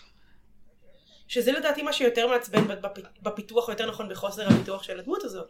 כי אין לי בעיה שתהיה אאוטסיידר. אבל למה להיות מרושע יותר ויותר, ולמה להיות, אני לא יודעת אם לקרוא לזה מט- מטומטם יותר ויותר, אבל באמת כאילו, הסרט השני, קו העלילה שלו זה, בוא אני אגיד למנטיס שאת מכוערת, כי- כי הא זה מצחיק, אני לא יודע לא, זה- זה- לקרוא זה כאילו באמת היה. נורא. זה, זה לא עובד. זה פשוט לא... זה, זה חסר...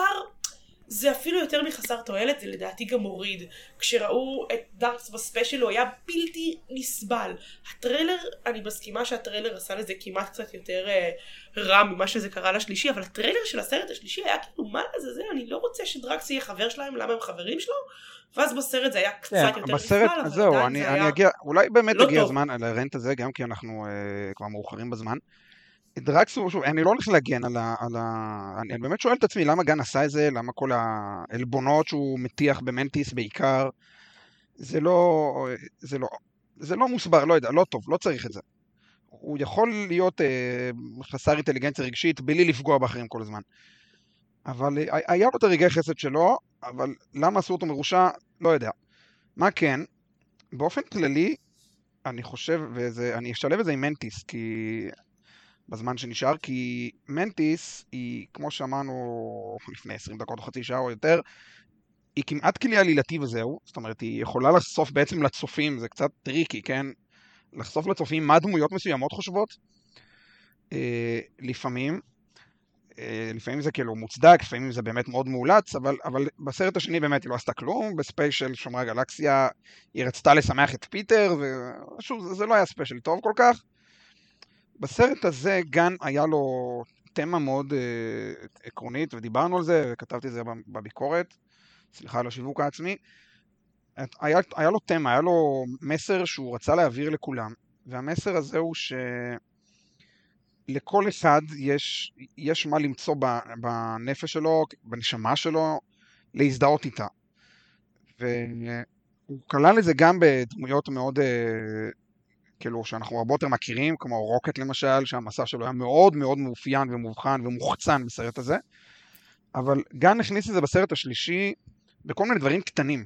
היה שם את הגג הזה שחזר על עצמו, של הכלבה טובה, כלבה רעה.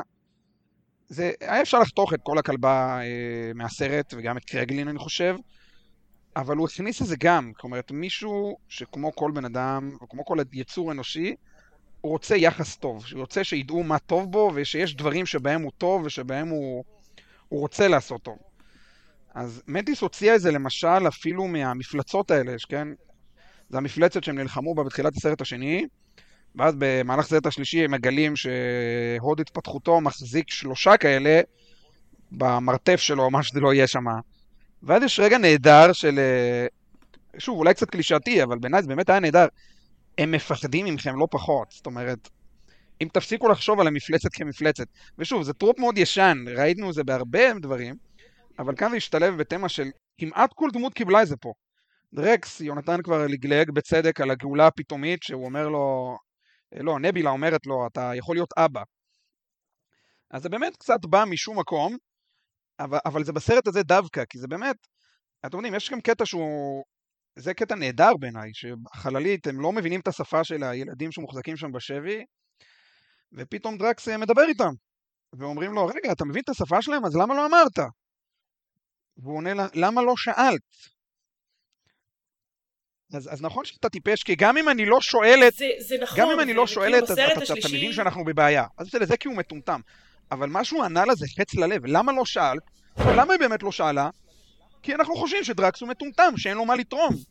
אז למה לשאול אם הוא מבין? ברור שהוא לא מבין כלום. בקושי את השפה שלנו הוא מבין, אז שהוא יבין את השפה של הילדים שכלואים פה, זה בטח הוא לא מבין. ופתאום לא, רגע, יש לו מה לתרום. אנחנו מסתכלים על אנשים, על קליפה חיצונית, על, על הקנקן, ושוכחים מה שיש בפנים. ובחלק מהדמויות זה נעשה יותר מחושב, בחלק מהדמויות יותר גמלוני, אבל בעיניי כמעט כל דמות קיבלה את הרגע הזה שלה, ולכן הסרט השלישי, וזה אור הסכימה כבר אה, לפני כן, היא אמרה שזה הסרט בוודאות הכי רגשני, לא יודע אם הכי מרגש, אבל בוודאות עם הכי הרבה רגעים כאלה, שממש רוצים לפרוט על הרגש, במוצהר. וזה משהו שכמעט כל אחד יכול להזדהות איתו. ומנטיס בעצם מייצגת את זה באיזשהו מקום, היא מוציאה רגשות החוצה. אפילו של המפלצות המפחידות האלה, או דברים כאלה, זה, זה פשוט, גם בסרט השלישי זה יצא אל פני השטח, לכן בעיניי הדמות שלה מתאימה לכל האפיון של הסרט הזה. הו, זה היה ארוך, כן.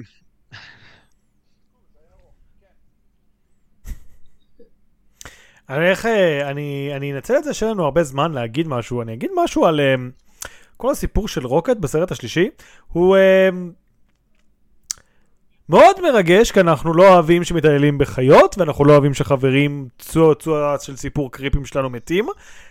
הוא סיפור בדיעבד, וזה לא עובד לי כמסע רגשי של רוקט.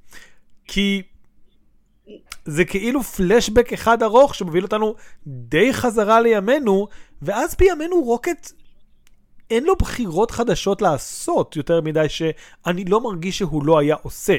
שוב, כלומר, זה, זה אותו דבר עם פיטר. אני חושבת שזה היה יותר... אני חושבת שבניגוד לפיטר שאנחנו מרגישים שהוא לא עשה מסע גדול, אצל רוקט זה באמת פלשבק כזה של בוא נבין למה הוא מי הוא. ו- וזה היה מאוד רגשי, וזה היה מאוד קשה, ושוב, אנחנו נגד התעללות ונגד כל הדברים האלה. אני מסכימה, הרוקט הוא, הוא לא היה דמות בסרט השלישי. הוא היה, הנה פלשבקים של למה הגענו לדמות הזאת, אבל זו גם בדיוק הנקודת פתיחה השונה של את רוקט אהבנו, ואכפת לנו מרוקט. ומפיטר קצת פחות, ומדרקס, אם אני סליחה רגע חוזרת שנייה אחורה, זה כמעט too little too late. אנחנו כבר הגענו לכזה שלב בדרקס, שכזה, אה, אתה רוצה לעשות redemption, אבל נגיד, בסדר, נכון, זה היה רידמפשן טוב אם הוא היה עובד כאילו בשני ולא בשלישי לטעמי, ולא אחרי כל ההידרדרות הזאת שהוא עבר, ורוקט הוא לא דמות, הוא נכנס לקומה בתחילת הסרט, ואז הוא יוצא ממנה לקראת הסוף, ואת רוב הסרט אנחנו רואים אותו בפלשבקים, וכאילו, איזה כיף שחבר שלנו חזר, ואיזה עצוב זה הסיפור חיים שלו. עכשיו אנחנו יודעים אותו בוודאות. אני רק אגיד... ואני אגיד גם יותר מזה. יותר, כן, מצטער. אני עושה, כלומר, אני כן. מסכים איתך בגדול, ואני מסכים גם עם אור, כי בעצם זה סיפור על הדמות שאנחנו אוהבים, ואור היה דפוק מלכתחילה, ובעיניי זה שהסיפור שלו הרחיב את אותה סצנה שציינתי קודם לשבח על מהסרט הראשון, והוא עשה את זה טוב, אה, ג'יימס גן.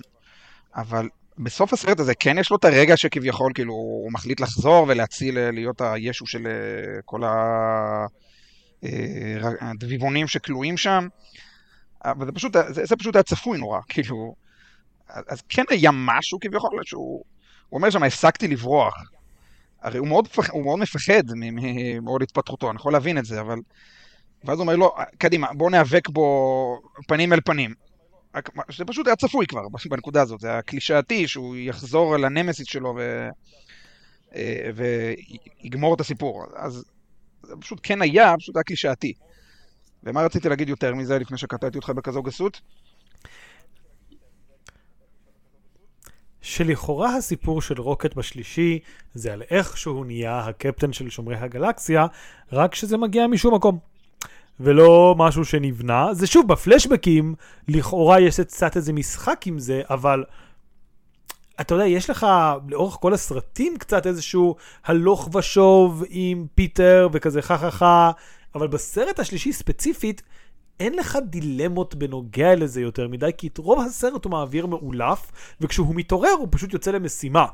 אז יש משהו שהוא פייק מרגש באיזשהו מקום, בזה שהוא מגיע לדרגת קפטן ומוביל צוות חדש משל עצמו, וזה לא נורא, זה עובד, פשוט זה לא, זה לא משהו שקרה בסרט עצמו, ואני לא רוצה להתעכב על זה, כי אני רוצה להגיד על זה שבסופו של דבר אחת הדמויות הכי מאכזבות בכל הזיכיון הזה זה גרוט, שהוא סתם דמות. וזה לא בקטע הזה, הוא סתם דמות, הוא, הוא אחד מהסתם דמויות. הכי טובות. אבל בסופו של דבר, טובה. אנחנו איזה שש דמויות כן. כן, אבל, אבל שום דבר לא קורה איתו, הוא, הוא תמיד, אני, סליחה. כן? אני גם רוצה להתלונן על גרוט בסרט השלישי, כי כאילו סרט השני יש לך את teen גרוט ו... baby גרוט ו teen גרוט וזה עובד, ו- ו- ודווקא ב... בקטנות כזה שנתנו לנו גם בסרטים על גרוט וגם ב Christmas special, דווקא גרוט הוא כאילו... הוא חמוד, הוא, הוא אתנחתה קומית נהדרת, לאו דווקא שהוא צריך להיות רק קומי, אבל, אבל הוא עובד. ואז בסרט השל, השלישי נתנו להיות מין עם העיצוב שלו, גרוט העיצוב שלו היה פחות מוצלח משני הסרטים הראשונים לדעתי. באמת הפך להיות סתם דמות. אבל זה השפיע על האופי, כי דמות שאומרת כלום, היא אומרת של- שלוש מילים, והיא העיצוב שלה. והעיצוב שלה משפיע, כאילו אין מה לעשות. אה, היה לו את הרגע, כן, שהוא אמר, כולנו גרוט, גם גם בסרט השלישי, אני שכחתי את זה, אבל נזכרתי שהוא גם אמר שם למישהו מילים שהם לא אני גרוט, נכון? היה משהו כזה לקראת הסוף? אז אה, בסדר, אבל כן, זה... הוא גם, אני, אני לא כן, חושב כן. שגן רצה להשקיע יותר מדי בסיפור הספציפי של גרוט, כי אנחנו לא בהכרח נמצא את עצמנו בתוך אה, עץ מדבר, אבל... אה, אבל שוב, היה לו את הרגעים שלו, והיה לו בעיקר תרומה, סוג כזה של...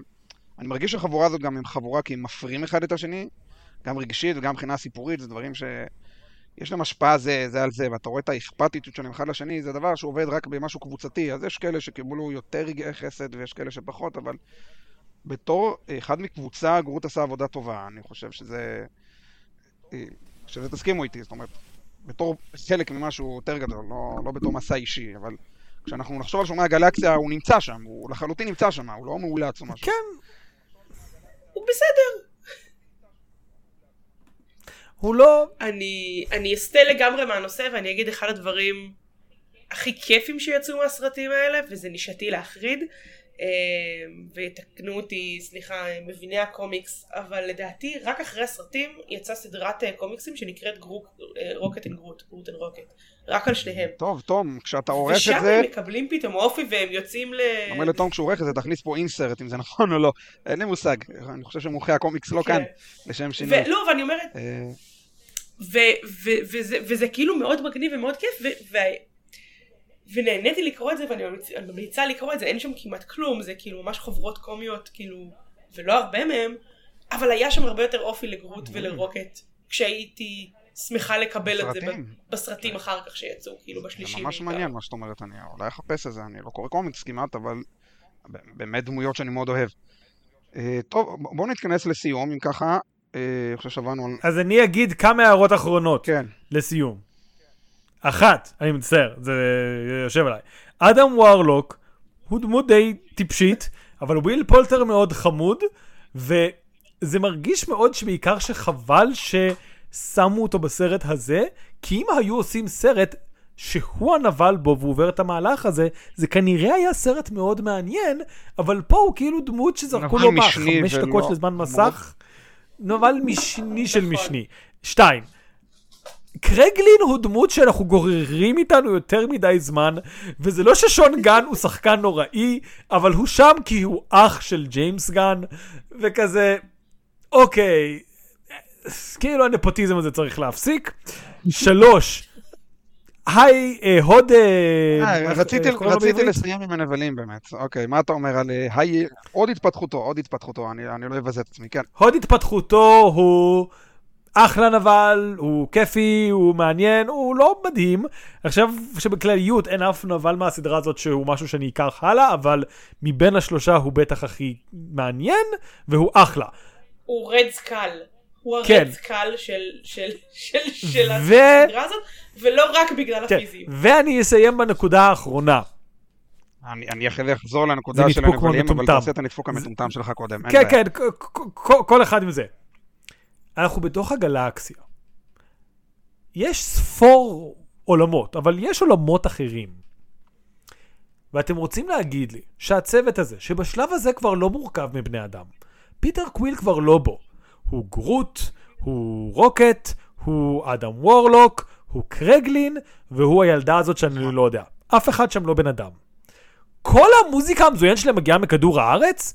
אין אף אחד שכזה, אתה יודע מה הזמר האהוב עליי? קריף סיכלו! אני חושב שאלבום הפלופ טפלס שלו מ-2009 היה אלבום שמאוד השפיע על כל ג'אנר הפלופ טיפלו והוא ממש השקיע, ואתה צריך לשמוע את המילים שלו ולהבין קצת בתרבות הקלובלית בשביל שזה יפגע בך, אבל כאני, כחייזר מהתרבות הקלובלית, אכן מודה ומכיר את זה. זאת כאילו, טענה כללית על שימוש אה, מרמה בדברים, כי בסופו של דבר זה סרט שמיועד בשביל הצופים, והצופים הם לא מהתרבות הקלובלית, אז אני עוצם עיניים ואוזניים. לא, אבל... אבל אבל זה לא נכון. לא, לא, אבל, אבל שוב, פיטר, המוזיקה, שימוש במוזיקה עד כה בסרטים, היה דרך פיטר קוויל. ופיטר קוויל, המוזיקה, מה שהיה חכם בה זה שהיה שימוש שהראה את הגעגועים אתה אומר, שלו לכדור הארץ בלי התירוץ לדבר היה פה עליהם. בעצם, התירוץ נעלם, אתה אומר. כן, עכשיו זה מלא חייזרים, אף אחד מהם, כולם כאילו הפכו לפיטר קוויל, שהוא הוריש להם את הזון שלו, וכולם משמיעים את הזון שלו. אבל בזון, כן, ובזון יש כן, 300 שלוש- שירים, כמו שאמרו כן. לנו, ולכן אפשר לה- להרחיב את ה... אז כאילו, כן, כן, ספציפית 300 אז שירים, כאילו, אני יודעת להגיד. זה לא עובד יותר, זה, זה נהיה ממשהו שהסרט לא סחב כבדיחה, אני, הוא סחב כמשהו רגשי שחיבר אותנו, שכשפיטר קוויל שם את השיר של קאט סטיבנס, כי זה המוזיקה שהוא מכיר, זה מחבר אותנו ואת הכל, וזה סצנה שעובדת כל כך טוב. והסצנה שהוא שם את הביסטי בויז בזה השני, זה עובד טוב, ושוב, כל המוזיקה הזאת, היו יכולים לעשות בה קו שימוש יותר חכם, שהוא משיל אותה הפעם הראשונה שהוא מגיע לכדור הארץ. ואז הוא נעלם ממנו, והוא לא צריך יותר את המשענת הרגשית הזאת של המוזיקה, כי הוא עכשיו. חזר. הם לא עשו את זה, בסדר, אבל הם יכלו לעשות את זה. אה, אבל אנחנו לחלוטין מסכימים שהפסקולים של שומרי הגלקסיה הם כן, פשוט... נפלאים ונהדרים, כן, כן. וקיבלנו מתנה. אני פשוט אומר, הסצנה בסוף היא מטומטמת. עם היא מטומטמת. נורא, אין שום סיבה שהאנשים אוי. האלה יכירו את המוזיקה הזאת. אין, אין, ש- וגם אם הם כן, אין שום סיבה שזה יהיה הכי מועדף עליהם. כלומר, זה כבר, אתה יודע, איזשהו יומנצנטריניזם מטומטם של כזה, רק בני אדם עושים מוזיקה טובה, חייזרים לא יכולים לעשות מוזיקה טובה, מוזיקה זה המצאה של בני אדם, נו יאללה. כאילו, אתה יודע, אבל אנחנו עוד... אה, לא בקטע כזה, אבל אחרי ריק ומורטי, שאני בטוח שג'יימס גן צופה בדיוק. חשבתי על זה. ג'יימס גן לא צופה בריק ומורטי. הוא יודע לחשוב על השפעות, הוא יודע לחשוב על השפעות מוזיקליות של חייזרים, ובריק ומורטי עשו לא הכל טוב, אבל את הרעיון של תרבויות זרות שמושפעות מדברים זרים מאוד טוב, ופה זה מאוד בועט שכזה, כן? כל החייזרים האלה, העץ המדבר והרקון, הדברים שהם הכי אוהבים זה על הדברים של בני אדם מתרבות אחרת ושפה אחרת. אני לא קונה את זה. זה היה הנקודות שלי על הסרטים האלה. כן. יש לי, יש לי שני דברים לענות על זה. יש לי שני דברים לענות על זה. אחד, גם החבורה בסוף הסרט השלישי נראה שלא מכירים את, השיר שמדובר כי הם רוקדים לא בקטע. לא משנה. לא, לא, לא, זו נקודה טובה, מטומטמת מאוד, זה נדפוק אחר, זה נדפוק אחר שכבר חשבתי באתר. אחד. אה, הם רוקדים לצילי כן. פלורנס דה משין, וזה לא... וזה לא, אבל הם לא, לא, אבל לא. הם לא, הם לא. לא. זה לא פלורנס ש...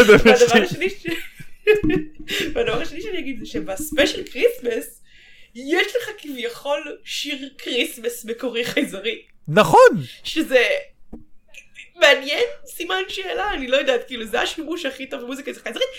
להגנתם זה נורא קשה ליצור מוזיקה ועוד מוזיקה כאילו פיקטיבית שתישמע אמיתית, שתישמע כאילו געגועים לתרבות שאתה לא מכיר, אבל... הם חברת הסרטים הגדולה. בעולם. יש להם אנשים שהקייטרינג שלהם יכולים להביא, את יודעת, שפים בשלושה כוכבים לעשות את הקייטרינג. הם יכולים למצוא מישהו שיחשוב על מוזיקה מתרבויות שונות. אמרתי, אמרתי, זה לא, זה לא תירוץ, אבל אני כן אגיד למה זה לא דבר שאתה כביכול רוצה להתעסק איתו, וגם כי, כי ג'יימס גן רוצה להשתמש בפלייליסט טוב שהוא- בפלייליסטים, נו, מה, שהוא כאילו. כאילו, זה, זה לא תירוץ. זה לא סוד, כי... זה לא תירוץ, זה לא תירוץ. לא, שוב, כן. מה שאני אומר כאן הוא לא על הפלייליסט של הסרט. השלישי, הוא על הסצנה בפוסט קרדיטים השלמתי עם שהם סיור, מחליפים מבחינתי אמנים אוהבים, רק זאת.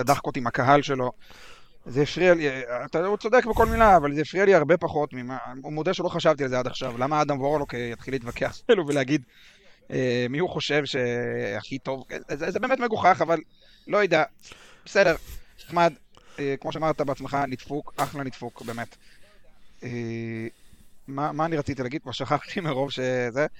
אה, שאדם וורלוק ספציפית, כמובן, גם אה, מתקשר למה שאמרתי קודם בצורה, בצורה מאוד קופצנית, ולדעתי גם אפשר לחתוך אותו לגמרי מהסרט, אבל גם מבחינה הזאת של אה, אה, דמות שבעצם אה, מחליטים מה שהיא לפי מה שאמרו לה לעשות, יצרו אותו בשביל משהו, אה, ובעצם אומרים, לא, אני, אני, יש לי עוד דברים חוץ מזה, וזה בעצם למה הנבל של הסרט השלישי הוא, הוא טוב בעיניי, מאוד טוב בעיניי, כי נבל טוב הוא מישהו שיקביל לגיבורים, בעצם יראה...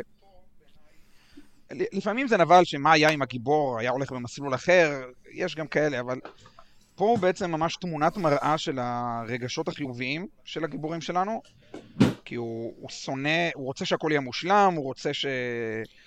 הוא רוצה שדברים יתנהלו בדיוק לפי איך שתכננו אותם, ואם אם משהו מתפקשש אז זה פשלה נורא ואיום, צריך להחריב את כל העולם בגלל שהיה שם סוחרי סמים או משהו כזה.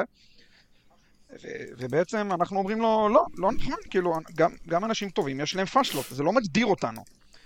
ולכן לדעתי זה, זה, לכן לדעתי הוא נבל טוב. לא רק בגלל שהוא היה משוחק מצוין, היה לו גם משפט נהדר, כאילו... אה, אני לא יודע כמה הוא קשור ספציפית לסצנה, אבל כשמישהו אומרת לו משהו כזה של אה, אלוהים אדירים, אז הוא כזה ככה אומר, אין אלוהים, ולכן אני הייתי צריך לבוא ולהתחיל לעבוד. אה, זה, זה משפט טוב. לא יודע כמה הוא קשור לדמות שלו, אבל הוא עשה הופעה טובה והיה כתוב טוב. כנראה באמת הנבל הכי טוב כנראה מבין השלושה. כנראה.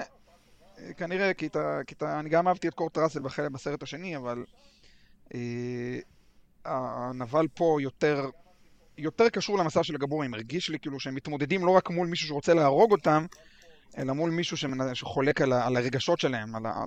על... מה... על מה שהם מנסים להוציא טוב מאנשים. לכן הוא בעיניי מאוד יעיל. וזהו, טוב שהוא מת או משהו, לא יודע. מה אומרים על נבל טוב? טוב שהוא מת או שלא טוב שהוא מת? לא יודע. אור, דברים אחרונים, דברי סיכום. שאני כן חושבת שסך הכל זו טרילוגיה טובה, כאילו עם כל הנדפוקים ועם כל ההתמרמרויות שהיה פה, אני נהניתי מהסרטים האלה והם סרטים טובים, הפסקולים שלהם כמו שאמרנו אם, אם, אפילו אם ניקח רק את זה, זה כבר מתנה שאני לוקחת.